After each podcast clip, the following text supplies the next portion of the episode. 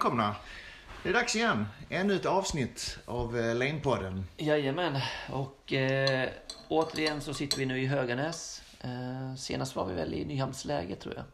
Ja, det var vi. Eh, I alla fall en del utav eh, inspelningen. Ja, just det. Eh, Då vi körde vår, vårt lilla trick. Jajamän. Eh, och vi hoppas ju att ni var imponerade av det. Det var vi i alla fall. och vi bör tillägga här att i rummet bredvid så ligger det en liten pojke och sover. Eh, och han kan vakna upp ibland.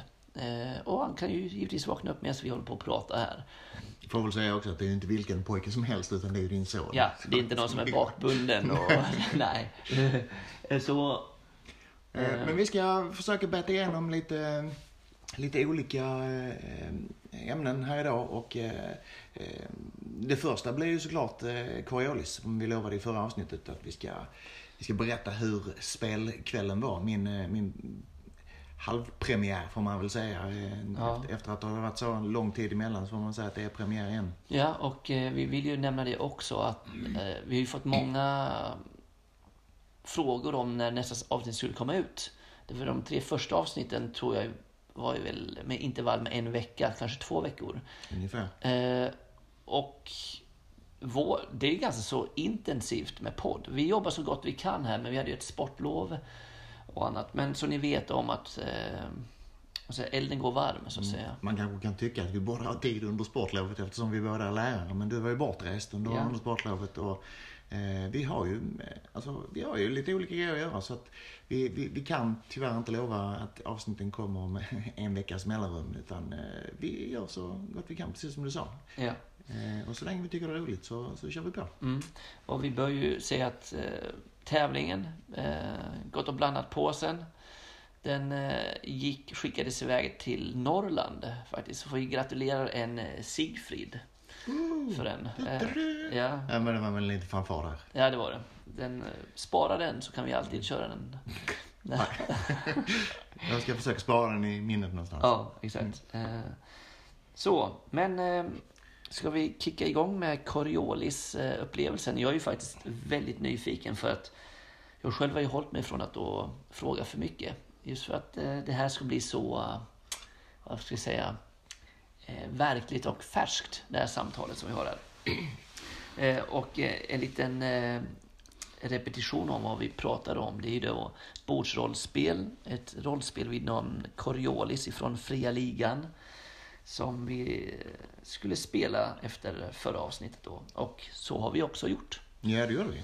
Vi satt hemma hos, eh, hos Emil den här gången. Japp, eh, i Höganäs också. Ja, visst. Eh, Jag vet inte om ni som lyssnar på det här eh, riker runt och sen vet vi också att vi har några lyssnare i USA. Eh, hello, eller ni lyssnar kanske på oss just för att ni är svenskar som bor där.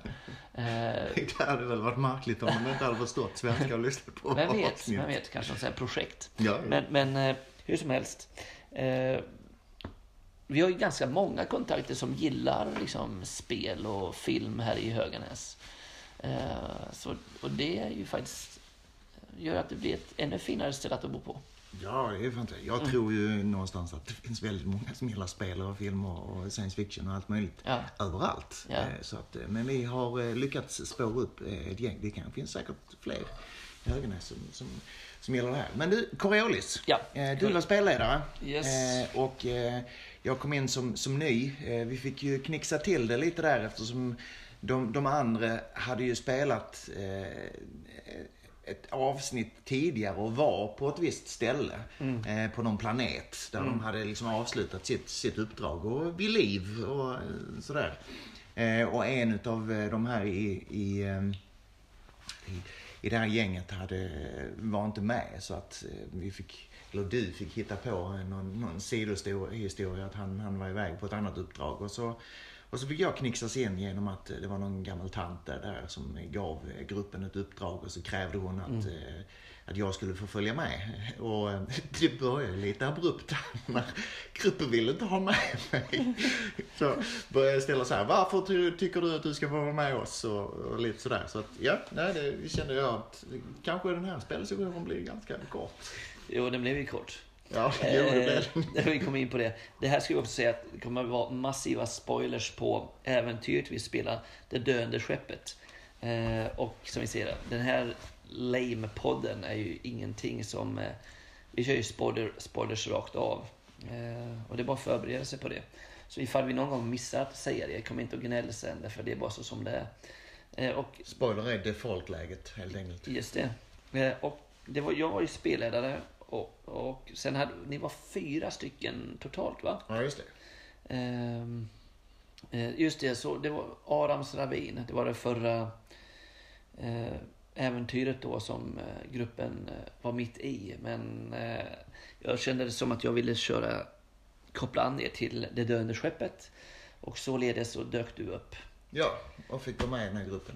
Ja, Och det, det började väl ganska så, så snabbt och med en gång. Liksom. Ja. Jag, jag vet inte hur, hur liksom, långsamt det här brukar börja eller hur snabbt det börjar. Men vi åkte ju iväg med de här skeppen och eh, gick ner i någon sorts hypersömn eller vad det nu är. i stas. Ja, eh, i Stavs där. Och vi drömde någonting om någon, någon eh, röd dam som vi ju aldrig fick reda på eftersom avsnittet eh, avbröts ju lite abrupt vid ett tillfälle Ja. senare.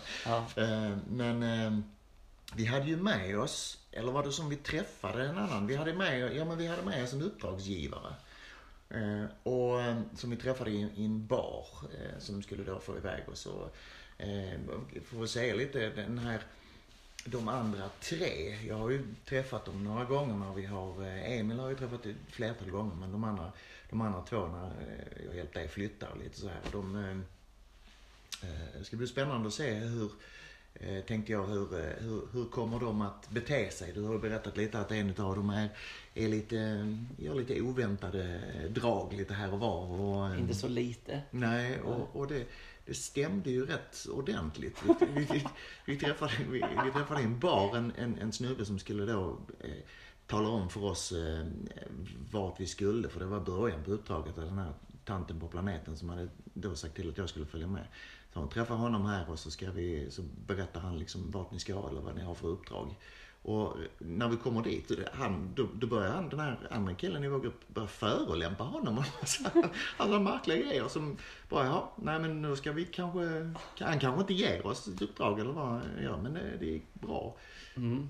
Ja, det, det, är, det är ju verkligen speciellt så just med den här gruppen som du spelade med. Att eh, det är några loose cannons. Milt sagt, jag menar inte med dem. Någon som är happy trigger, gärna skjuter och någon som just eh, beter sig helt ja, oberäknelig. Mm. Eh, och det ger ju en jäkla krydda till äventyret. En, en kul detalj när vi satt och spelade tyckte jag det var det här att vi, vi fick liksom eh, eh, små lappar. Så eh, du är ju spelledare och du sitter liksom gömd bakom skärmen och du berättar vad som händer och så. Och, man kan göra vad som helst och det, det är ju det som är det, det häftiga. Men man kan också liksom skriva på små lappar eh, så att eh, eh, som jag skrev till dig när det var någon som frågade om jag hade varit på planeten. Så skrev jag liksom att ja, jag har varit på planeten men jag vill inte säga det. Så, så, här, så skickade jag den till dig. Jag tänkte det kanske kommer någonting om det senare. Och min, min figur hade, var ju då någon slags eh, eh,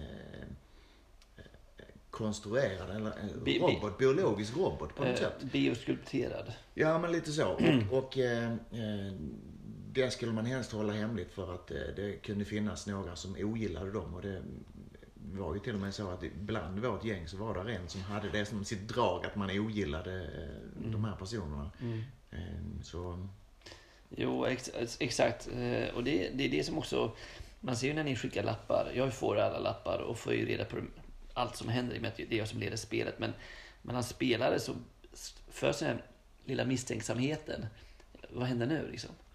Varför skickar de lappar? Så egentligen borde man ju inte se det, men det, jag, jag skulle vilja säga att det är spelarnas intuition. Att de känner att det är något som inte riktigt stämmer när någon börjar skicka lappar. Den, som, Ja. den vardagliga intuitionen som vi har. ja. Och det är ju, det är en, det är, en- jag tycker det är en, en häftig eh, sån här eh, sidogrej man kan göra. Det ska ju, skulle ju visa sig bli ödesdigert sen det här med lapparna också. eh, Ja. När man kommer längre fram i, i, i äventyret här. Men, eh, Men, men, men vad, vad, kommer du ihåg, vad gick äventyr, vad gick uppdraget, eh, därför ni kom in dit och träffade på en uppdragsgivare som då ville hyra er som grupp. Ja, just det. Vi skulle väl iväg och rädda ett skepp, tror jag, som höll på att glida in i någon sol eller meteorregn eller någonting. Så skulle vi till skeppet få igång det på något sätt och dra ut det därifrån, har jag för mig det Det, var. ja, det var ett rederi eh, som var bas- baserat på Coriolis. Coriolis är själva den här gigantiska rymdhamnen då.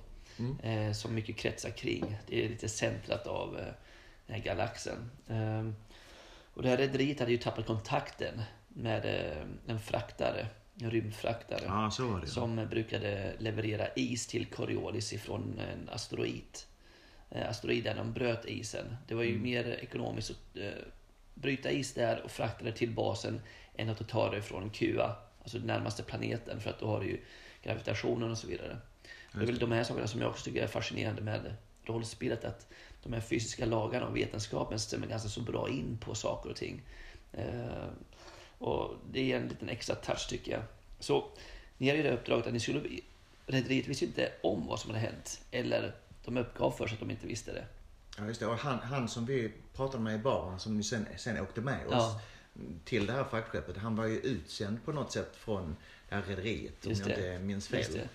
Eh, och, eh, ja, det var ju något skumt så- såklart. Eh, vi ska åka iväg. Det, det kan inte bara vara i en, sån här att ja, men det är ett fartyg som har fått motorhaveri så åker vi dit och reparerar motorn och åker hem igen. Det hade varit ganska torrt avsnitt liksom. Kanske Så, kör något sånt någon gång. Bara Ja, för att jo, det var precis. otippat liksom. Och en, så är det över på en kvart och sen äter vi chips. Ja, exakt. exakt. Det var ganska så fint framdukat. eh, Chips och godis och... Oh ja, oh ja, det var det ju. Tyvärr så hade jag ju missuppfattat och tänkt, trodde att eh, sådär, nej men vi beställer väl pizza eller någonting så att vi sitter och käkar. Så jag hade ju inte ätit någonting Nej. innan så jag satt ju där och var ganska hungrig. Det får du säga ju. Ja men det gjorde jag, men det var ingen som lyssnade. Jag Jo det var det. men, eh, men det går att fylla magen med chips, tror du eller. Ja. Jo, magen blir ju därefter. Ja, Men... och så kom det ju också någon typ av, eh, eh, vad heter det, fastlagsbullar. Ja, just det. Eh, Fettis, Ja. vad heter det? Semlor. heter det. Semlor. Ja, Eh, kom, kom med där också för er övriga svenskar som inte säger fastlagsbullar. ja, just det. Ehm, Men inte het vägg då, utan, utan var- varm mjölk. Hetvig är bara ett jättekonstigt ord. Okej. Mm, mm. Men i alla fall, eh, så ni tog ju ert skepp och begav er bort emot den fraktaren. Ja. Eh, och som sagt, ni hade ju lite tidspress här för att, som du säger, det var me- meteoroidmoln som var på Mm. väg in emot. Och ni som inte känner till vad det är, det är ju ett moln fullt med eh, Stenar. stenar som är i eh, ständig rörelse. Och det är ju livsfarligt för skepp att komma in. Det är, vissa studsar av, men de som kommer in högre hastighet de kan ju smälla sönder eh, bitar eller gå rakt igenom. Så ni hade ju... Vi hade en skicklig pilot, får jag väl säga, Det som eh, tog oss in. Jag, jag satt ju och var um, någon slags eh, vapenoperatör, eh, blev min roll i det här skeppet. De andra hade sina roller redo liksom. Mm. Och, och, eh, jag har vi stängde ner system för att skeppet skulle gå fortare Ja, in. Ja. Eh, och, eh, och, och körde väl lite slalom där mellan de här stenarna på något Ja. sätt. Och vi, eh, vi tog oss in och la oss på ena sidan om skeppet. Det fick vi ju slå om och lite Mm. så här. Och var skulle vi komma in och la oss vid sidan. Men vi, vi la oss där vid sidan på skeppet. Och, ehm, Och det, det får jag väl säga att när jag spelleder så i alla äventyr och alla sessioner så är det alltid att jag får en väldigt klar bild av hur det ser ut i min egna fantasi. Och det här var en sån situation när jag såg den stora fraktaren. Och då hade ni fått, ifrån mig hade ni fått bild på hur den såg ut. Eh, och ritning som ni...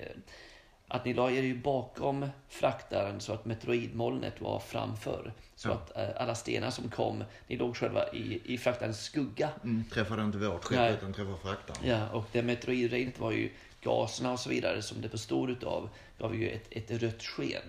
Så Ja, det, var ganska, det var ganska mäktigt tyckte jag att man kunde se det att ni kom in med skeppet, körde slalom in emot och när ni var så pass nära att ni kunde ta skydd bakom den här stora fraktaren Ja. så var ni just bakom. Ja, det. Vi och- la oss på rätt sida. Ja, och sen samtidigt hörde ni så här små skotten som studsade av skrovet. Så Ja. ja. jag tycker att det var riktigt, riktigt mäktig eh, den scenen. Ja, det var det. Men sen, sen, sen känner jag att när vi väl hade lagt oss där och vi, vi väl öppnade porten in till skeppet, eh, eller den här fraktaren och skulle, skulle gå in där. Där kände jag ju att nu börjar själva äventyret. Själva grejerna där, där vi skulle gå in och vi skulle eh, se vad som hände och se vilka det var. Och Mm. där, eh, det var väl tomt i första rummet. I andra rummet så hittade vi väl en figur där som, Ja. som var del av skeppet som ju var skärrad på något sätt. Ja. Eh, och berättade om att det fanns några personer på skeppet eller några sådana här ondingar eller någonting. Ja, jag vet inte, ondingar är ett Ni, riktigt ord. ni hittade väl några lik när ni kom in i början Ja, också? så var det också ja, som vi kände igenom. Exakt. Och sen visade det väl sig då att eh, den här personen ni hade med er Mm. visste ju lite mer. Rederiet visste ju lite mer. Ja, just det, så Eh, var det. Därför, Han plockade fram någon väska med lite, lite grejer i som Ja. eh, han gjorde lite undersökning. Men kanske inte där, det kom senare. ja, Ja. eh, Och det kan vi säga också, den här fraktaren, den, den var uppdelad i, i, tre delar. Eh, så att det var liksom den, den aktra delen där motorerna var och sen så var det någon slags, kan man jämföra med en byggnadsställning fram till, Exakt. fram till Ja. den eh, centrala delen. Eh, och, och i de här byggnadsställningarna så hä- hängde ju då isbitarna. Eh, och det gick hiss emellan dem. Och sen så var det då eh, längst fram till, till cockpiten då så var det en sån byggnadsställning däremellan också. Så det var ett jättelångt skepp. Och vi, vi hoppade in i, i den, den, den aktra delen. Eh, och eh, han som vi träffade på var ju eh, alltså maskinist på något sätt tror jag. just det. Eh, och han, han ville ju inte starta upp för att då skulle alla de här komma igen och så vidare. Eh, så vi stod ju där inne i maskinen vi, vi, vi, fick väl övertalat honom. Jag hade någon sån här eh, övertalningstalang Ja, tror jag. Riktigt bra på det. Så att jag fick, jag fick honom till att liksom lugna ner sig och hur var det? Sen så gick vi bort med honom, eller löste vi in honom i skeppet eller något? Vi delade upp oss i alla fall. Ja, det, för han, det, det visar ju sig ganska snart att det var ju en del av besättningen som självmant hade ändrat om skeppet att åka in i meteoroidsvärmen. Eh, För att eh, det var ju en sån ondska att de upplevde som hade släppts Mm. lös på skeppet. Så istället för att den skulle sprida sig ut till andra skepp så tänkte de, ja, okej, då, då får det vara nog. Nu, nu eh, tar vi sönder skeppet. Mm. Och sen hade de ju stängt ner allting också. Och de hade ju skickat ut en meddelande till rederiet också. Om Just det. Mm. här, en varning. Eh, som den här personen som hängde med er känner till. Det. Och han var ju med oss hela tiden, så det blev ju som att vi var fem. Ja, Men han, du styrde ju honom liksom, Ja. på något sätt. Och, eh, men det var ju för mycket pengar involverat för att helt enkelt låta den här frakten gå sönder. Ja. Och det är därför ni kom in. Ja. Eh, och den här personen som var med er visar ju vara en exorcist. Eh, för att driva ut eh, demoner och onda andar. Eh, ja, det är väl kanske samma sak beroende på. Eh, men just Coriolis handlar ju om, det är ju ute i rymden i en galax eh, med inslag av den Mellanöstern, den kulturen då. Eh, och giner och så vidare. Eh, så det var ju så som det var. Och de kunde vi ju använda. Så man kunde, om man gjorde något så, var man inte, så kunde man be och så kunde man göra om och lite Just det, saker. till man, ik- ikonerna liksom. ja, man kunde, man kunde liksom be till ikonerna när vi, då när vi gick ner i sådana hypersömn och grejer för att man skulle få en, en trygg färd och lite Ja. sådana grejer. Och då, då gav det någon slags poäng på något sätt där, så att man skulle klara det bättre. Ja. Så det var ju, det var ju lite... Och, och, ni, och jag tror ni, övertända. ni lyckades säkra akten. Ja, och sen delade vi upp oss där. Ja. Så jag och han, den här eh, eh, killen från rederiet, Ja. vi begav oss ju eh, framåt så att säga och kom in i ett nytt rum. Medan då de andra stannade kvar eller gick tillbaks till vårt skepp. Mm, och sen var det väl att det var en sekvens där när ni kom in. Så att ni började bli väldigt misstänksamma gentemot den här personen, exorcisten som var med er. Ja. Och det var därför en utav er då eh, låste fast skeppet i ett skepp med ett lösenord. Var det inte så? ja, men det visste vi inte. Nej. För det var ju den här hemliga lappen. E- exakt, exakt. Du visste inte om det, jag visste om det. Mm. Ja, du visste om det.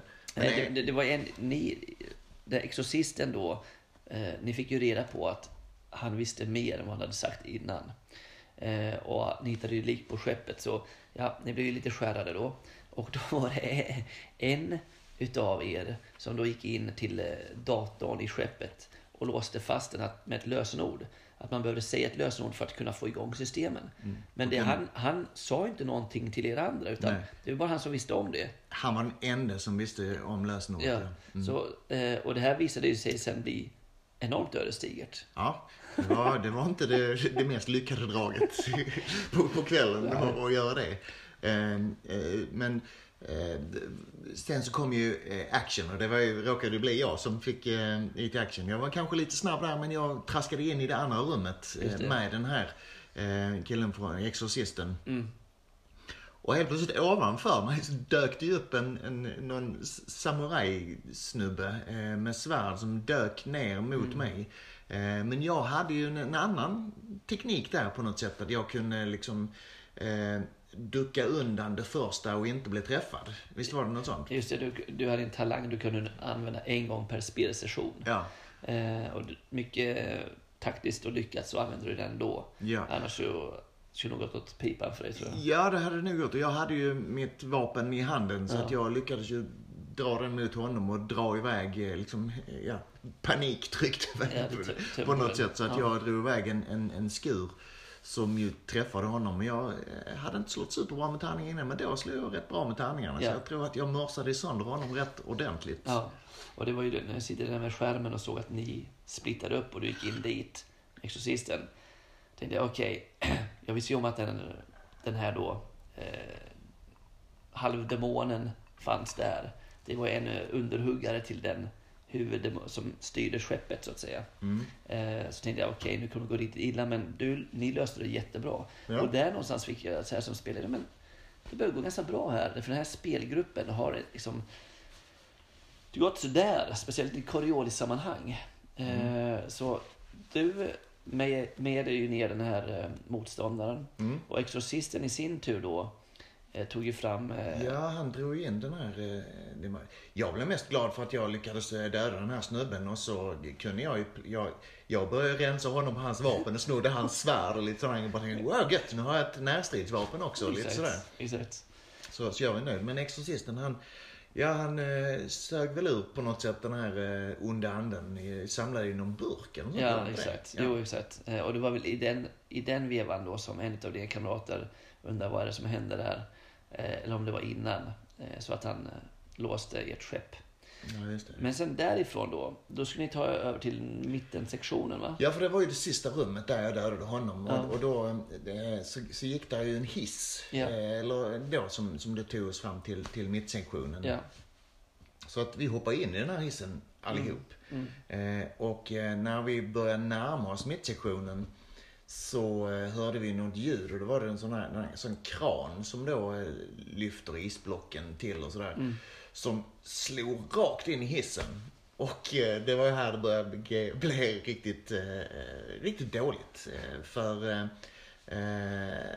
av oss fyra så var det två av oss som hade en dräkt på oss där vi kunde vistas i eh. Två Ja. andra hade inte det. Mm. Och de sögs ju ut. Ja, ni alla sprängdes ju ut utav... Jag sögs ut också, ja. Ja, exakt. Det blir Jag det. lyckades få tag i någon... Eh, eh, Exakt. Det blir det där när man slår sönder eh, ett rum med luft ute i rymden. Ja. Så, eh, ja, då försvinner all luft ut och därav blir ett sug ut. fast det var en som inte sögs ut. Nej, men de lyckades hålla sig fast. Ja, precis. Ja, de, Ja. Mm. Då, då fick ni ju alla slå för att hålla er fast Ja, det. kopplat till era färdigheter. Och där gick det väl ganska okej ändå. Ja, för- beky- Bekymret var ju att, att halva gänget inte hade dräkter. Ja, och den, den ena killen som, som hade dräkt, han lyckades ju hålla sig fast. Ja. Jag höll mig inte fast. Så jag höll ju kvar den. De andra två tuppade jag av ju. Ja. Eh, helt och hållet. Och vi hade ju liksom, då började vi få liksom ont om tid och dra in de här eh, Ja. personerna. Och sen i samband med det här också så började ni, började ni närma er meteoroidmålet mer och mer. Ja, Exorcisten hade ju också dräkt så han klarade sig utan, utanför. Ja, och det, det var ju så att ju längre tiden gick desto närmare ni närmare meteoroidmolnet, desto mer stenar och objekt alltså, fanns risk att bli träffad av utanför skeppet. Ja. Eh, och ni hörde ju mer och mer skepp, eh, att skeppet tog emot skott och stenskott och så vidare. Så det, det visade sig i rymmen nu var ju även i direkt livsfarligt. För när som Ja, helst ju- kunde ja, man ju bli träffad. Men vi- visst var det så att de två som höll sig kvar, Mm. de lyckades komma in i mittsektionen. Eh, ja, just det. De visst, ja, jo, så, så var det. Ja, De, de kom in i, i mittsektionen. Men de lyckades inte få liv i han som inte hade dräkt på sig, utan han dog där. Ja, det var något sånt där. Ja, exakt. Mm. Det var... Och sen så, sen så jag och eh, han den här killen, exorcisten, vi lyckades ju ta oss eh, tillbaka till den andra sektionen. Mm. Eh, och då skulle ju han, eh, den här exorcisten, som du sa, Helt plötsligt blev han bara ett moln av blod. Ja, exakt. För att han fick en sån här sten och bara splatsch! Ja. En meteorit och, Ja. och gick, gick sönder. Och, och då hängde, då var ju vår, för han hade ju fått tag i i, eh, i den här killen som ju är lite loose cannon. Som Ja. skulle dra in honom och han, precis innan han fick in honom så splatsch och då gled han iväg igen.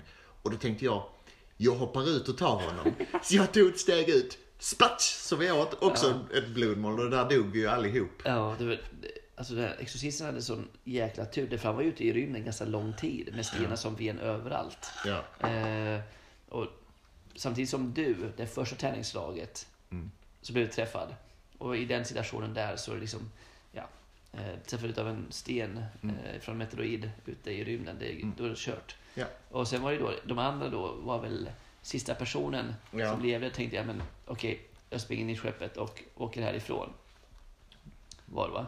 Ja, och det var här det var ödesdigert för när vi gled omkring där så skulle vi ju, så kan man ju då eh, ta kontakt med vårt skepp. Så att datorn där Styr. kan liksom styra ut, samla in oss då som var där. Men då var det ju så att han den här som hade dött Ja. först av oss, det var han som hade koden till skeppet som han inte hade berättat för oss. Så vi kom ju inte åt vårt skepp överhuvudtaget. Så vi kunde ju inte bli räddade för att den döde killen hade koden. Det- Vi hade ju inte kunnat ta oss därifrån för han hade koden. Och det, det, det var så jäkla roligt, tycker jag, att eh, då när ni alla andra hade liksom dött och så vidare, den sista personen liksom, okej, nej, jag går in i skeppet och lämnar dem. Jag, jag måste av, överge det här. Så okej, du går in i skeppet och den ber om lösenord. Han har ju glömt det liksom. Att, Nej, men han, han, var det inte så att han bara... Han kontaktade vårt skepp och det gick inte och sen så tog han sig till, eh, till bryggan för att han kunde inte få kontakt med skeppet. nej, men jag tror För att, han gick väl aldrig bort till vårt skepp för, för det var ju låst. ja, jo, jo, exakt. Men han, jag tror att han, han Först kallade ni på skeppet för att komma och rädda er. Och det gick ju inte. Han var okej, helvete och så vidare. Så det var kört. Så innan han gick in eh, fortsatte så tänkte han ju då, okej, men ja, då får jag väl åka hem. Nej, du kan inte det heller liksom. Så det var, ni kunde inte lämna, ni var ju fast liksom. Ja. Hans enda chans var ju att ta sig till förarhytten Ja. på fraktskeppet. Exakt. Och, och ja, som man kanske kan räkna ut så är det ju inte tomt Nej, där. det där var ju den här eh, då, um, ginnen då som hade tagit över. Ja, eh, det kom väl två stycken krigare ut Ja, mot exakt. honom. Ja. Och han blev ju den, det slutade ju med att han blev ju den nya värden utav den här ginen som Ja, tog, tog över, honom. tog över honom. Ja, så, Så- där var vi ju rökta allihop. Ja, och, så, och sen vände väl skeppet om och så... eh, Ja, just det. ja. Nej, men körde du inte till... eh, Ja, precis. För skulle- ville ju inte dö, så de satte igång motorerna. För vi Ja. hade satt igång Ja, motorerna exakt. bak. Så de kunde köra därifrån Ja. och körde då till... Det Ja, vart, vart de nu skulle Ja. någonstans, det har vi ingen aning om. Nej, så på ett sätt blev det liksom som den här... eh, Ni kom ju dit och hjälpte ginen att då ändra kurs. Mm. Samtidigt som en av er blev värd åt ginen liksom. Ja, så på hela taget lyckades vi rätt bra. Ja, men det, jag märkte också... Det, så, det har aldrig varit så innan, men nu liksom någon, en av er sa efteråt, men kan vi inte bara göra så att vi bara ändrar om något namn på de här rollkaraktärerna för att de har ju dött så jä, eh, ganska ofta. Så det var ju en sån här liten... eh, Det tar ju lite tid att göra nya karaktärer. Ja. Mm. Eh, Så det, det, jag tror att det var lite så här halvtrist såklart. Men det, det är ett legendariskt äventyr. Det, alltså upplevelsen, det är ju det som är så roligt med det här tycker jag. Är att man kan ju sitta om fem år och snacka om när man spelar rollspel. Hur gick det äventyret? Jag kommer ni ihåg när det hände? Men eh, trots att vi dog, eh, jag vet inte hur långt vi hade kommit i avsnittet. Vi alltså det känns som vi hade kommit en, en, Jo. en bit, kanske halvvägs eller lite sådär. Så vi satt ju ändå och spelade i alla fall i, vad spelade vi? En och en halv, två timmar? Nej, nog mer. Två och en halv tror jag. Ja, så att vi har ju ändå suttit där rätt länge.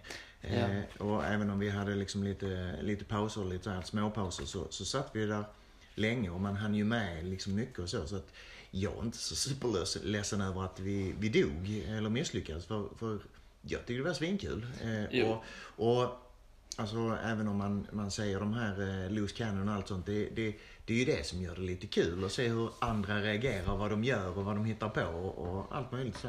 Jo, så, ja. så att det, det händer lite grejer och sen så kanske man kan bli lite frustrerad och lite sådär bara, "Men vad fan gör du nu? Eh, så, så är det ändå roligt. Jo, det är det. Och för mig som sagt, såklart det är kul att, om spelgruppen kan överleva. Speciellt i Coriolis, i och med att det har gått som det har gått flera gånger nu. Men det blir sådana fantastiska berättelser att då berätta för när man ses. Ibland så snackar man ju, jag kommer ihåg när vi spelade det. Och om man inte har spelat bordsrollspel så kan man tycka men det där är ju riktigt jäkla dorkigt. Såklart det är. Men samtidigt är det ju att man, man har ju suttit i eh, äventyr. Vissa längre äventyr tar ju kanske inte fyra, fem spelsessioner och varje session är på fyra, fem timmar. Så det är 25 timmar. Man har suttit och snackat. Vi, vi har ju på lite musik men sen sitter vi bara och snackar och skriver. Mm. Så det är inte någon, eh, vi har ingen TV på eller någonting. Man sitter ju faktiskt och socialiserar. Mm. Och det är ganska mäktigt tycker jag. Och där är ju det, den, den femte killen som, som inte var med. Ja. Han, eh, han lever ju fortfarande. Så ja. hela gruppen är ju inte död. Nej, det är inte. Så, och, och, och, och egentligen är ju en av dem som är besatt utav en gin. Ja, just det. Han finns ju också. Ja. Mm. Så, det, det, är jag som är ett, eh, ett, ett blodmoln och eh, ja, han, den andra som vi inte lyckas hämta in, han är väl också träffad antagligen av en meteorit. Och, eller så är han ju insugen i, i centrum så att ja, det är inte så mycket kvar av, av den kroppen. Men Nej. på det hela taget får jag väl säga i alla fall att jag är gärna med fler gånger ifall jag, ifall jag får. Eh, det tycker det var kul. Definitivt. Så, eh, eh, Nej, jag, spännande om det är fler gånger som vi kör, som jag hoppas att det blir, mm. så kommer ju givetvis, du är ju ett starkt kort att ha med. Du ska vara med. Du är ju en del av gänget så att säga. Yes. Så uh, allt som allt en uh, riktigt uh, trevlig upplevelse, får vi väl säga. Ja, absolut. Det håller jag med om. Mm.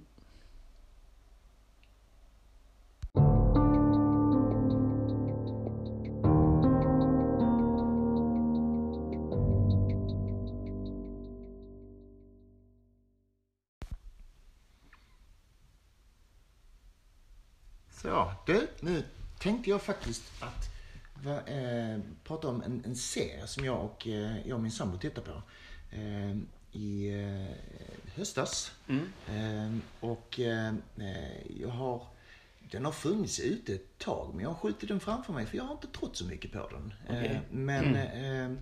vi satte igång den och vi blev helt fast i Handmaid's Tale. I tjänarinnans berättelse efter Margaret Atwoods bok där som skriven 85 om jag inte minns fel. Har, har du läst eh, boken? Jag har inte läst boken. Eh, och eh, det är lite synd. Det, det borde jag ha gjort. Men jag blev lite extra triggad av, av det eftersom jag hörde någonstans, jag har ingen aning om det är sant, men att hon ska ha skrivit den som ett svar till det här att hon har jag läst en hel del, eller dystopi och annat sådär. Och 1984 eh, av George Orwell som är en av mina absolut favoritböcker. Mm, mm. Eh, där eh, huvudrollsinnehavarna och sådär, det, det kretsar rätt mycket kring män.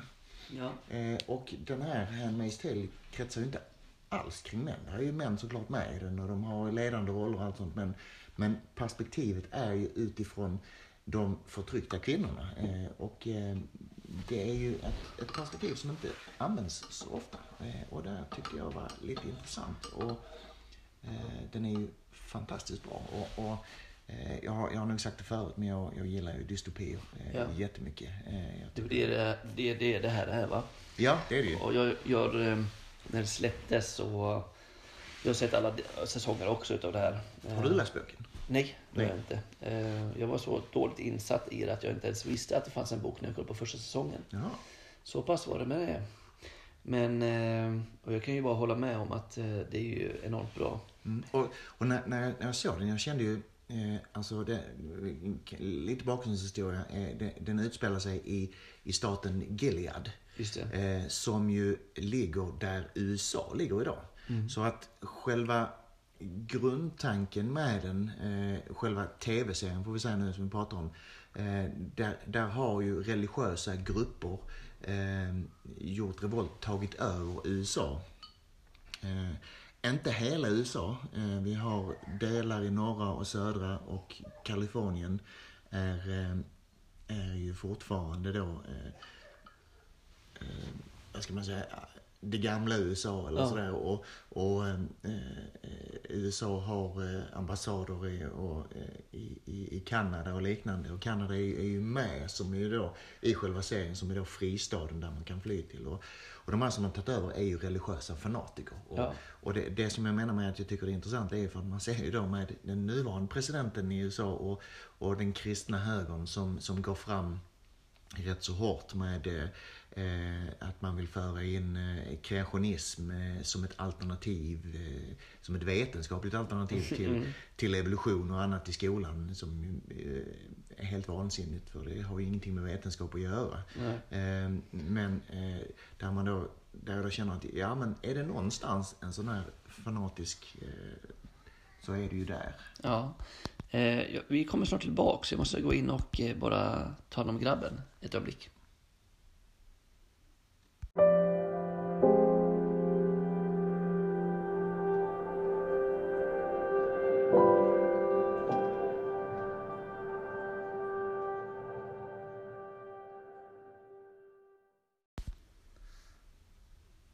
Så där, det där var ju en liten paus från grabben.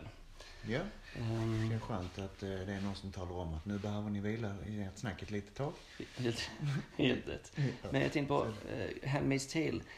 Grunden ligger väl då till att, eh, att mänskligheten börjar tappa förmågan att då föda barn, va? Det är det, Ja, som, ligger, det- är det som ligger till Ja, grunden lite till så är att... det också. Och det, det är därför man, man då instiftar i den här eh, kristna eh, eh,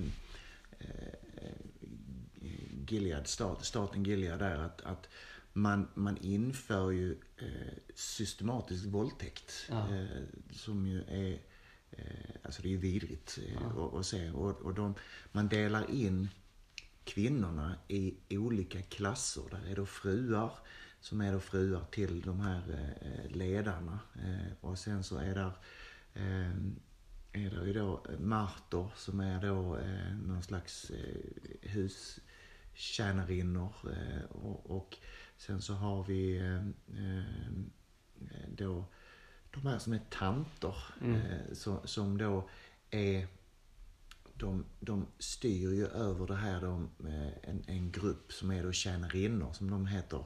Eh, kvinnor som är fruktbara eller eh, kan föda barn. De, de, finns, men de är få. Ja, och de, de fängslar man eh, och så eh, delar man då ut dem till eh, då familjer som inte, eller ledarfamiljer framförallt då som inte, eh, där, som inte har barn. Och då, då har man då på, på tillfällen när de känner för det, de, de känner in de ska vara tysta, de ska inte göra något, de ska bara röra sig runt i huset. Och det är ju en form av slaveri liksom, som de har även med de här marterna och, och de här andra som är där. Eh, och eh, man får inte läsa någonting. Och det, när de går till affären så är det ingen text utan det är bilder. Så här, en bild på en tomat. Ja, här är de då. Eh, så att de får inte läsa överhuvudtaget. Utan kvinnan ska ju förtryckas eh, totalt. Och i, i, i serien så har de ju då de här våldtäkterna när de då tar in dem och sitter frun med tjänarinnan i sitt knä och så står mannen där och ska försöka då befrukta henne. Eh, Så på, på något sätt så och- ska det liksom vara... någon, ceremoni Ja. där på något sätt. Och så eftersom då hon, frun är med där så är det ju, är ju fortfarande hon med runt. Så det blir liksom inte så att mannen går runt och förlustar sig på, Nej. på de här. Eh, för att, att, att eh, liksom ha samlag för skojs skull, det, det ska man ju inte heller ha helst. ju. Det är ju kristendomens eh, ja, kärna på något sätt. Jag tycker det är jä- jättemärkligt. Men, Men, men, ja, det jag tänker på, uppbyggnaden till att själva samhället krackelerar. Det tycker jag också är ganska spännande just med dystopier. Vad var det som gjorde, gjorde liksom att den här kristna högern fick sån makt? Och här är ju just det att ja, just kvinnorna, eller männen, man vet inte riktigt vad det beror på, börjar ju tappa förmågan att då få barn. Och att det sprids en oro i samhället. Och sen blir de här extrema tankarna liksom som börjar vädras i början, eh, tycker ju alla är hemska. Men efterhand så liksom blir den här eh, desperationen eh, leder ju till att fler och fler, och speciellt de som tror på det från början, är beredda att ta till medel för att ta makten. Och här är det väl att de spränger dem inte upp. Jo, ma- man, märker ju liksom hela tiden i, i serien, den är ju jättelång så vi kan ju inte ta hela den här serien eh, sådär. Men man märker ju att de här, de här kvinnorna, vilken roll de än har, att, att de, de kämpar emot lite på sitt sätt. Och där är ju, där är ju sådana grejer, man försöker ju göra de här tjänarinnorna till eh, icke-människor genom att de får inte ens behålla sina namn. Utan är du tjänarinna hos, som i, i, i serien, där heter mannen i huset Fred. Då heter hon Off Fred, alltså Offred. Ja. Eh, och heter mannen i huset eh, Bengt så heter hon Off Bengt. Nu är ju inte Bengt ett särskilt vanligt engelskt namn men, men ni förstår eh, hur det fungerar. Och eh, där är ju också sådana här delar då som, eh, för att se liksom de här mörka sidorna och det kan man väl kanske dra lite paralleller till, till katolicismens eh, präster där. Att, att eh, eh, med pojkgrupper som de har. Men det finns ju inne i, inne i städerna så finns det liksom sådana bordeller eh, som de här åker till. Och, och, förlustar sig hur mycket de vill eh, och så vidare. Som är hemligt och emot reglerna fast det är ju de som styr. Så, att, så att de åker ju inte fast för vem ska sätta fast dem. Eh, och sen så finns det ju då en sån här ehm, eh, dold polisverksamhet som heter Ögonen. Just det. Eh, Där är ju ehm, eh, i själva serien så är ju chauffören i huset är ju med i den här ögonen. Och det är ju han som, Fred hon, hon blir ju med barn. Men det blir hon ju genom att hon eh, har sex med, eh, med chauffören. För att eh, den eh, ja, herren som hon tillhör då, det huset. Det är ju antagligen han som inte kan få barn. Ja. Men de skyller ju på Det är alltid kvinnans Kvinn- fel så, exakt. såklart. Eh, Så det är ju också gått tillbaka till det. Så det är väl det också som fascinerande men samtidigt skrämmande. Du är ju inne på det om vi ser på USA idag. Ja, ja. Så, så de går ju skrämmande en skrämmande riktning och även om det här är extremt så är det ju vissa tankar som lyfts där och i andra partier som man känner till utanför USA Ja. eh, som påminner om eh, eh, ser, den här serien. Ja, och det, den här serien, jag tycker det är så fantastiskt för den belyser ju liksom problem i eh, när det har gått liksom så långt det kan gå i princip.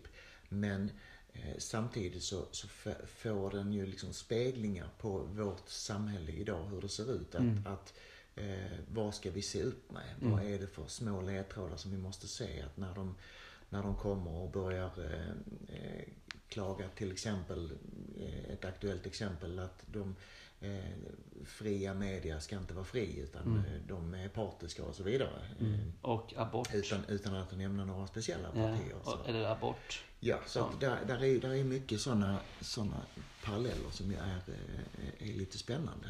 Eh, och eh, där är ju hon, Offred hon blir ju med barn. Hon föder ju ett barn. Och, och, och, eh, eh, och det här, här får man ju följa hela den här. Och det här barnet blir ju, eh, här kommer ju spoilern då, blir ju, blir ju utsmugglad till, eh, Kanada. till Kanada. Eh, och, eh, Det är för Kanada och länderna runt om Gilead, eh, de är ju fortfarande för den här mer demokratiska ordningen Ja, som påminner om den som... Ja, och Europa är det ju lugnt och fint. Så det är ju inte hela världen. Det är ju, det är ju USA. Ja. Det som var USA. Men sen märkte jag om det var Mexikos ambassadörer som var där och de när de såg att Gilead, eh, de hade ju lyckats få fram väldigt, väldigt många barn. Medan till exempel Mexiko inte hade det. Och då hade de ju... De var, Ville kanske ta över samma system. Exakt, och det tyckte jag också var bra på något sätt. Att de Ja. belyste att, okej, eh, hur män, människan har en ståndpunkt, men helt plötsligt när de ser vilka nyttor det här ger, oavsett, eh, oavsett konsekvenser, så Mm, då, då är man nästan beredd att börja liksom, eh, förändra sin syn. Ja.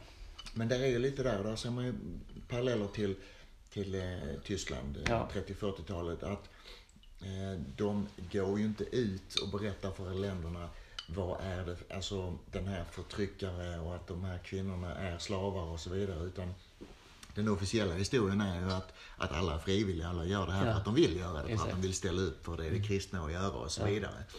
Men, och det är det kanske för det står ju i Bibeln hur man ska skaffa sina slavar. Så att, eh, eh, den, den delen väljer ju kristna ofta bort. Eh, att de här grejerna står i Bibeln och eh, Gud gärna förintar hela städer och, Mm. och Gamla testamentet då? Eh, ja, ja, men Jesus säger ju att Gamla Testamentet gäller. Så, Mm. så att det, det gör ju det. Så det, det, går ju inte att, det går inte att säga att ah, men det Gamla Testamentet det är ju inte kristendom. Det är det ju. Ja. Eh, men eh, eh, det så, anledningen till att jag tar upp eh, att vi diskuterar den här nu, eller jag gärna vill prata om, om Handmaid's Tale, är ju för att hon, eh, Margaret Atwood, har ju skrivit en ny bok, en fortsättning på det här som kom ut, eh, om jag inte minns fel, i somras. Som Ja. heter Gileads döttrar. Ja. Eh, där man spolar framåt lite i tiden. Eh, och man får följa eh, en person i, i Kanada, en, en flicka. Som, och man får följa en, en tjej som bor i, bor i Gilead. Och man får följa i serien så är det en av de här tanterna som, som man riktigt, riktigt ogillar. Eh, som, hon är fruktansvärd. Eh, Men man får följa henne och får se en liten annan sida av henne. Eh, och eh, de här två tjejerna som är med. Det är ju Offred, hon, i, i sista avsnittet på serien så, så bär de iväg henne för hon är skjuten. Så man vet inte vad som händer med henne. Men man får reda på det i, i Gileads döttrar. Så nu är ju mega spoilers här ju. Men eh, hon överlever ju. Men hon är inte med i boken Offred förrän i absoluta slutet. Men se, serien gick väl... Eh, I början var den ganska trogen boken har jag hört. Ja. Eh, men sen efter ett, tag, efter ett tag så gick den sin lilla egna väg. Ja, jag har inte läst, som sagt, jag har inte läst boken heller Nej, så nej. jag vet inte. Men, men det jag har hört också det är att första och andra säsongen eh, då är trogen boken och sen så eh, är det några andra manusförfattare som skriver det. Jag vet inte hur mycket Margaret Atwood själv var inblandad i det hela. Sånt tycker jag faktiskt är ganska bra. Därför det är ju också mer sug till att läsa böckerna. I alla fall för min egna Mm. egen del. Att, att man kanske kör sitt lilla egna race sen. Ja, men absolut. Så, så är det ju. Så man får ju en, en, eh, en, en fortsättning som man, man kanske inte fick från, från boken. Och då vill man gärna se serien också. Och, det, eh, och boken, eh, får jag ju säga, är jättebra. Den nya boken. Flickan som offret får, som, som skickas till, till Kanada, hon, det är ju lilla Nicole. Hon, hon, hon blir ju en, en symbol och galjonsfigur i Gilead. Att henne vill man ha tillbaks och så vidare. Eh, och eh, det är ju den här tjejen man får följa. Det, det, det gissar man på ganska tydligt. Och det är ju hon. Eh, och den här andra tjejen som man följer, det är ju offrets tidigare dotter. Och eh, de, de, eh, hon bor, bor ju kvar i, eller hon bor ju i Gilead och blir uppväxt och uppfostrad där.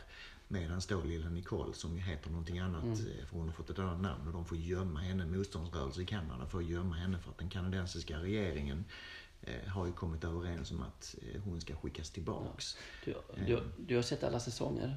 Ja. Ja. Den när hon får träffa sin dotter. Eh, det avsnittet.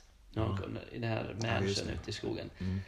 Det var så jäkla jobbigt att se alltså. Mm. Det jag. Och det eh, hänvisas det till i boken. Ja. Just precis det här. För jag tror att när Margaret Atwood har skrivit den här Mm.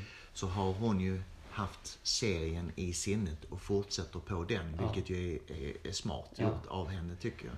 Det- Så hon, den här dottern hon växer ju upp hos en familj som hon tror är hennes mamma och pappa. Mm. Men hon har drömmar och bilder av att hon träffar någon annan ute i ett, ett hus ute i skogen och hon slits ifrån henne och så vidare. Ja. Eh, och, och det är ju för att det är ju eh, riktigt, Ja. riktig händelse som är ju traumatisk för henne när hon är liten. Jag tror det, men just med barn. Eh, man ser hur träffa barnet. Mm. Och sen just det här. eh, Barnet upplevde ju då att, ja varför hämtar du inte mig?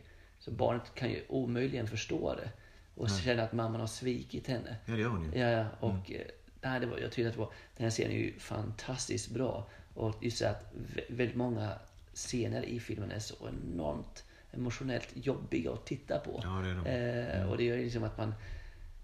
eh, Det är ungefär som att man vill bara gå in och lägga sig av sitt barn och direkt krama om det. Eh, Ja, men lite så. Det, Men- det, det, det, det, det är det som gör det så jäkla bra. Ja, det är det. Och, och samtidigt, både i den och, och i boken som, som, eh, som jag precis har läst nu, så det som är i, i, många serier så kan man, man vet ju att det kommer någon förlösande upplösning Mm. där liksom ondingarna får sitt och, och man känner att ah fan vad gött, nu mm. slutar det så här. Eh, och eh, vissa gånger gör de det bra, mm. andra gånger blir det sämre. Att man känner liksom såhär, det blir ett Game of Thrones slut. Ja. Att, nej men det här hade jag inte förväntat mig när jag har mm. plågat igenom mig. Eller plågat, det hade inte, men när man har gått igenom fantastiska ja. säsonger innan så mm. blir det det här slutet. Mm.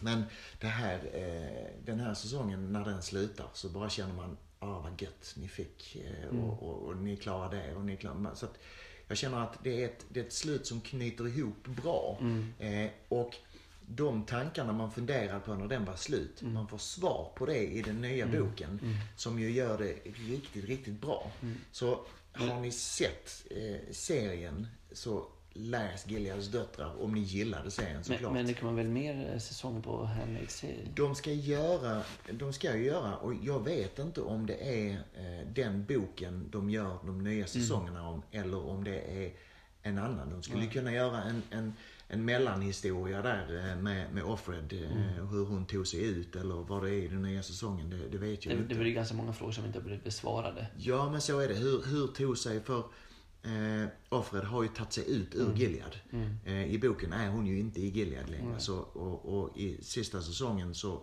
hon tar ju sig inte ut ur Gilead. Hon, hon väljer att stanna kvar. Hon väljer att stanna ja. kvar i Gilead. Och det är andra gången. För att, eh, ja precis, för att alla, hon räddar ju ett helt gäng mm. barn. Så för att de ska komma ut så stannar hon kvar. Och sen, och, exakt, och sen också för hennes dotter som ja, är kvar där. Ja, just det. Hon vill, hon, hon vill hämta henne. Ja. Mm. Så, nej, och sen samma sak med The Eye som hon fick barn med han eh, visar ju sig vara verkligen en person, mystisk person. Ja, och han... Eh, för, för det, det, är, det är också en person som, som jag saknar, för han är inte med överhuvudtaget i Gileads döttrar. Nej. Nick då, som han heter. Mm. Eh, och eh, hon, eh, Offred och Nick, de... Alltså, han sviker ju aldrig henne. Han eh, eh, anger ju aldrig henne till, till ögonen för att få henne straffad och så vidare. Utan han, han blir ju ivägskickad som general till en front. För det ska man komma ihåg hela tiden att Gilead befinner sig i krig hela tiden. Mm. Med då de här delarna som är kvar, rebellrörelser och annat. Så, så att där, eh, och då blir han en av dem. Och, och vad som händer med honom, men, det vet jag inte. Jag kommer inte ihåg om det nämndes någonting i, i serien. Är inte någon gång i slutet när han, kanske inte genuint sviker henne, men att han inte tar ens parti? Hon blir liksom... Eh... Ja, men det kan det vara. Och Eh, men det, den har jag sett lite, när han gör det, ser jag lite som att han, han gör det för att han ser längre fram. Mm, kanske det. Att, att eh, tar jag hans parti nu så åker jag åt skogen och då mm. kan jag inte liksom göra det bättre Nej. längre fram. Nej. Men eh, fantastiskt, det är ett supertips. Vill ni ha en riktigt bra bok att läsa eh, så, så ska ni läsa den här. Jag får, får, får säga också att den, den är... Eh, jag har en kollega som, som ja, eh, nästan alla mina kollegor har sett den. Jag har lånat ut boken så den mm. går runt bland alla de som har sett den nu. Eh, men det är en av dem som man säger, eh, och hon säger att jag kan inte se den för jag blir så äcklad. Jag, jag fixar mm. inte det här med eh, kvinnoförtrycket. Och, och, ja, den är kanske jobbigare att se på om man är kvinna. Jag, ja. jag vet inte. Nej, bara, jag, innan du kom hit så hade jag kollat på TV en, en liten dokumentär om Thelma Louise. En film alla bör se. Men i alla fall, en av de som var med och gjorde den filmen sa det liksom att när hon blev 30 år, mm. då hade hon blivit våldtagen två gånger och då var det ett tredje våld, äh, våldtäktsförsök på henne. Äh, jag, jag, tror bara att, okej, okay, man är lite i sky, en skyddad verkstad här om äh, vad så många kvinnor har gått igenom och går igenom. Alltså. Jag tror att de har en helt annan referens, referensram ja. än, än, vad vi har mm. kring sådana här grejer. Men det spelar ingen roll vilket kön du är, serien är eh, fantastiskt bra. Den är ja. absolut värd att se. Jag tycker att, tycker att eh, gillar man eh, lite sådana här dystopier eller, eller mm. science fiction eller vad som helst så, så eh, och, tror jag man kommer att gilla den här serien. Och, även om man inte bara man gillar spänning. Mm. Och om man hade väldigt mycket tid i skolan så skulle man ju faktiskt kunna använda det här materialet i sin undervisning. Absolut. Så jäkla bra. Mm. Ja, ja men eh, då får vi väl säga det att eh, hett tips. Handmaid's Tale eh, och Gileads döttrar som bok då. Ja. Väntar med spänning på nästa säsong. Definitivt. Eller de nya säsongerna. Ja.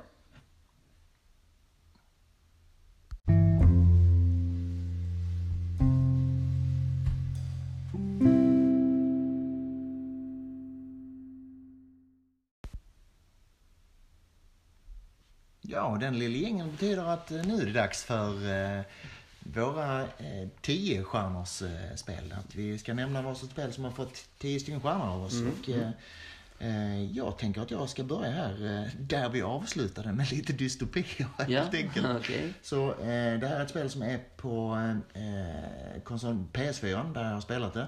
Eh, det är ett öppen, eh, open world-spel, en öppen värld där man kan eh, där är uppdrag, man kan göra, eh, man kan gå omkring och bara göra vad man vill. Man kan träffa på folk och så får man lite uppdrag av dem.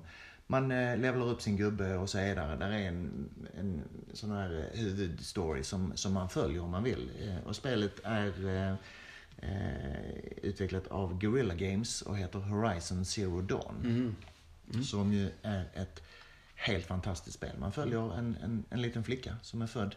Eh, och eh, ja, klart hon är född. Eh, de brukar Ja, hon, kan, hon, kan, hon var- kan vara skapad, Ja, bioskulpterad. ja, ja, inte. Coriolis-style liksom. Ja, eh, och eh, det är hon ju faktiskt också. Eh, Hon är ju framtagen av, med hjälp av DNA från, ja men.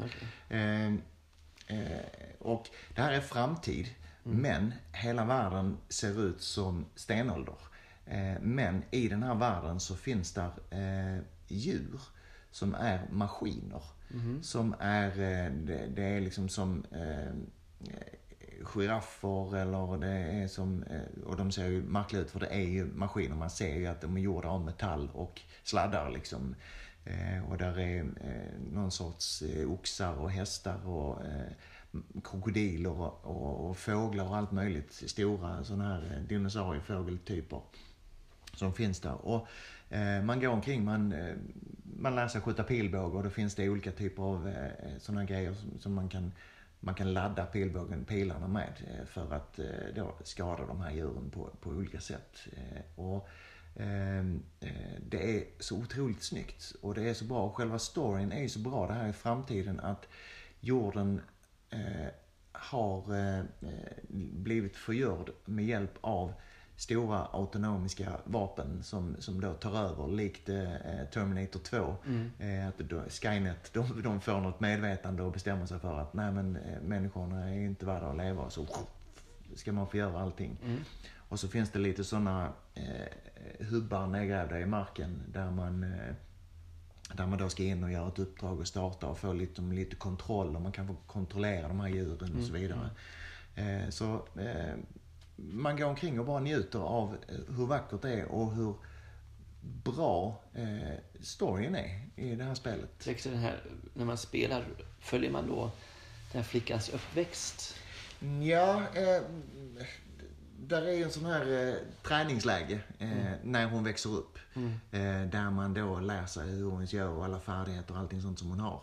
Eh, och eh, eh, sen så kommer då när hon är eh, alltså en, en, en vuxen eh, eh, tjej då som, som man får eh, eh, styra sen och där, där går då själva uppdraget igång och då är hon ju i samma ålder hela tiden. Så att där är inte fler hopp och så. Det är en liten kort eh, träningssession i början som är jättebra för att man ska liksom lära sig och förstå det hela. Eh, Och man kan hitta eh, gömda godsaker lite här och var och, för att utvecklas och bli bättre och, och eh, hela den här grejen. Så att, eh, ett, ett fantastiskt spel. Horizon Zero Dawn, 10 av 10. Det är ett, ett av få eh, sådana här eh, spel på PS4 eh, där man sitter med handkontroller som, där man ska skjuta folk och så som jag faktiskt har klarat av att spela för att storyn är så bra. För att jag är så fruktansvärt dålig på att sikta och skjuta med PS4-kontrollen. Så eh, eh, eh, gillar man Open World med lite, lite annorlunda eh, story så eh, Horizon Zero Dawn. Underbart. Bra musik också eller? Jag eh, vet inte, jag, jag hör inte musiken när jag spelar. Förutom i Fallout 4, Ja. fantastisk musik. Ja, ja. Underbart. Vad Ja. har du på hjärtat? Eh, Jag har, det känns ju som att vi skiftar. När du tar något ganska modernt spel så tar jag ett gammaldags och eh, tvärtom. Nästan kunna tro att det är planerat. Ja, det är det faktiskt inte, tror du dig. Eh, det som jag eh, ska ta och berätta om det är eh, ett spel med det halvtaskiga namnet Super Metroid. Eller Super Metroid. Det här är ju då del två i Metroid-sagan, eller Metroid-sagan. Metroid 1 ska jag inte prata jättemycket om, men Metroid 1 kom 86 och då bodde jag i Belgien. Och under den här tiden så exploderar ju bokstavligt talat de här spelen, eh, Nintendo-spel, Arcade-spel, nej inte Arcade, utan Arcade eh, lades ner för att spelen kom in i husen och hemmen. Eh, för min del spelade jag mycket Zelda eh, och Super Mario Bros. Men jag minns att det var en av mina vänner jag kom hem till där vars storebror och hans vänner satt och spelade Metroid 1. Eh, och eh, Super Metroid tar då vid efter ettan.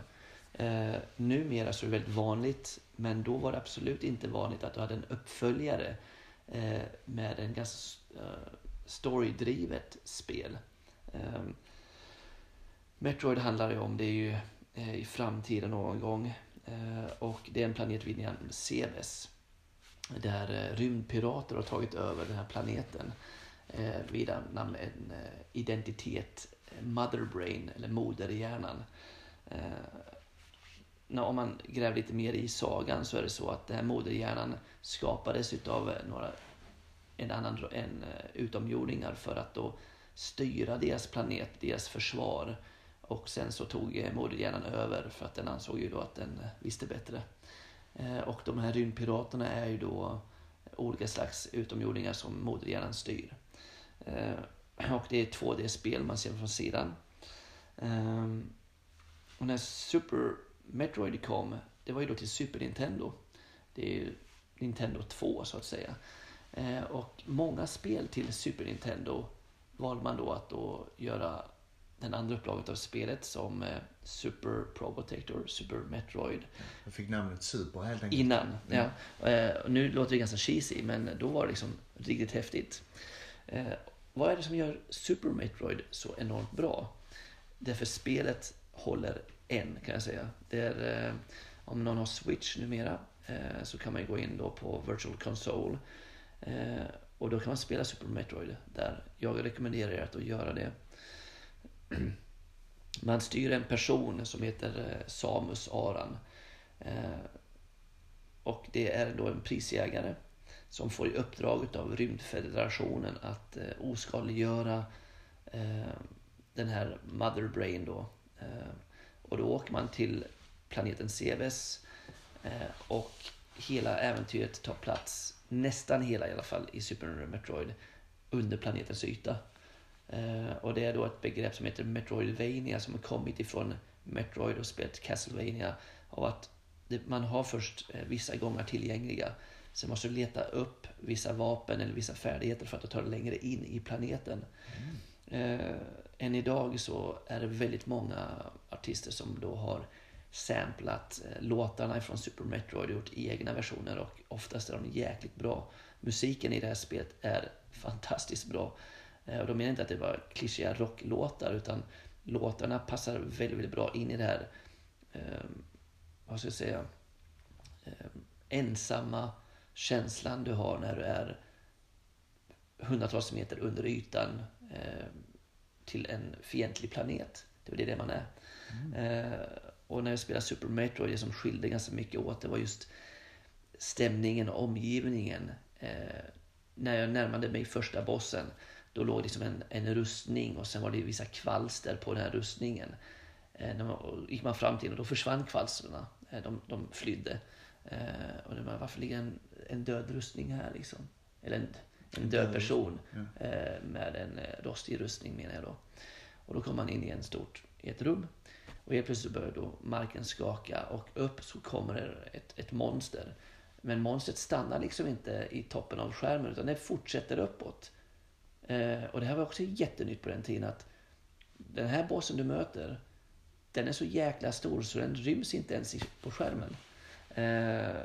En annan boss som man har, det är ett skepp som har kraschat ner i planeten. Och när du aktiverar det skeppet, eh, då vaknar också det här monstret till liv. Eh, återigen, numera så är de här dragen väldigt vanliga i tv-spel. Men när Super Metroid kom ut, vilket var 94, så var allting väldigt, väldigt nytt. Eh. Ja, det var det jag tänkte på här också. För att de här, de här dragen säger att de, de, man hittar dem i olika spel. Mm, mm. Eh, Zelda och, mm. och eh, man hittar dem i andra spel nu för tiden. Vad, Vad är det som gör att, att Super Metroid är, eh, sticker ut? För det första tror jag att det var för att det var först med det. Men sen är det också, om vi sna- snackar om kontrollen, att styra Samus Aran är, eh, det är väldigt enkelt, väldigt tacksamt. Gör inte, innebär inte att det blir lätt för det. Men sen är det så att när du går omkring och forskar ner i planeten Sebes och upptäcker nya saker, låser upp nya vapen eh, och hittar nya ledtrådar. Eh, så är det, det är en saga, en berättelse, men det finns ingen text till.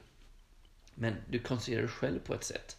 Eh, olika avdelningar nere i planeten är då en där det är väldigt mycket sporer och pollen och växtlighet. En annan där det är väldigt, väldigt mycket vatten. Och när du kommer långt ner så är det mycket lava. Eh, och det är ju väldigt vanligt numera också. Eh, när, när det här kom fram, Super Metroid, så var det att i slutet på Metroid 1 till exempel, då är man ju på CP samma planet. Man besegrade Mother Brain såklart. Och då blir det en stor enorm explosion när man sticker därifrån. När man kommer tillbaks i början på Super Metroid, då kommer du, du, du går in där det här slaget var. Och allt är helt öde. Men då är det vissa kameror som aktiveras när du går där. Och man undrar vad är det som händer? Och när du kommit långt in så är det ungefär som ett alarm som går. Och helt plötsligt så börjar fiender strömma fram ifrån gömda eh, områden. Och den saken, det, det momentet hade inte funnits någon annanstans. Att det ungefär var att sektioner som var på ett sätt förnyades beroende på vad du gjorde i spelet. Eh, bossar fick nästan som en personlighet. Det är vissa bossar som återkommer från ettan. Eh, en annan boss eh, som jag kan berätta om det man är långt nere och det är en sån här lavaflod. Eh, och det är ett stort vidunder som kommer emot en och då måste man skjuta den i munnen så att, därför då trycks den bak. Och slutligen ramlar ner i lavafloden. Och då trodde man inte det var gjort. Men sen man går bort så kommer den upphoppande igen. Man hoppade till. Men då den kommer emot den så, smäll, så smälter liksom skinnet av. Och kvar ligger då skelettet. Det är sådana här saker som Ja, ja. var, var over the top på den tiden. Eh, och varför det hå- håller än idag? Nej, jag tror att det var den genuina atmosfären som Super Metroid eh, levererar. Eh, och eh, när jag tänkte på att berätta om Super Metroid som får definitivt 10 av 10A. Så jag kommer spela där igen. Det var till och med så 94 att jag var så inne i den här världen att jag konstruerade ett eget rollspel ifrån det här Metroid, hette rollspelet, som jag spelar med mina vänner ett tag.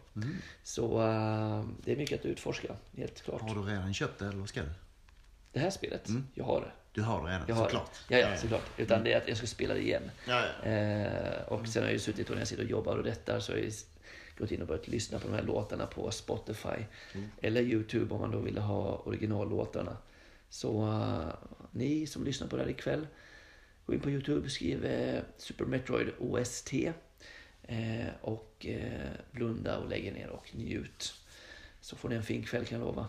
Yes, och vi ska ha en fin kväll nu. Jajamän. vad ska vi göra nu? Ja, vi har faktiskt laddat upp med tre avsnitt Star Trek Picard. Helt fantastiskt. Det är helt otroligt. Det är lördag, det är afton, eh, Star Trek väntar på tvn. Ja, det, jag vet inte om man kan ha det bättre. Frågan är om man kan det. Jag eh, tror inte det. Nej. Men ni får ha det fantastiskt bra, så ses vi nästa gång. Yes, och glöm inte bort att gå in och eh, följ oss på Fejan, på Lame. Eh, ha det bra. Ciao. Hej.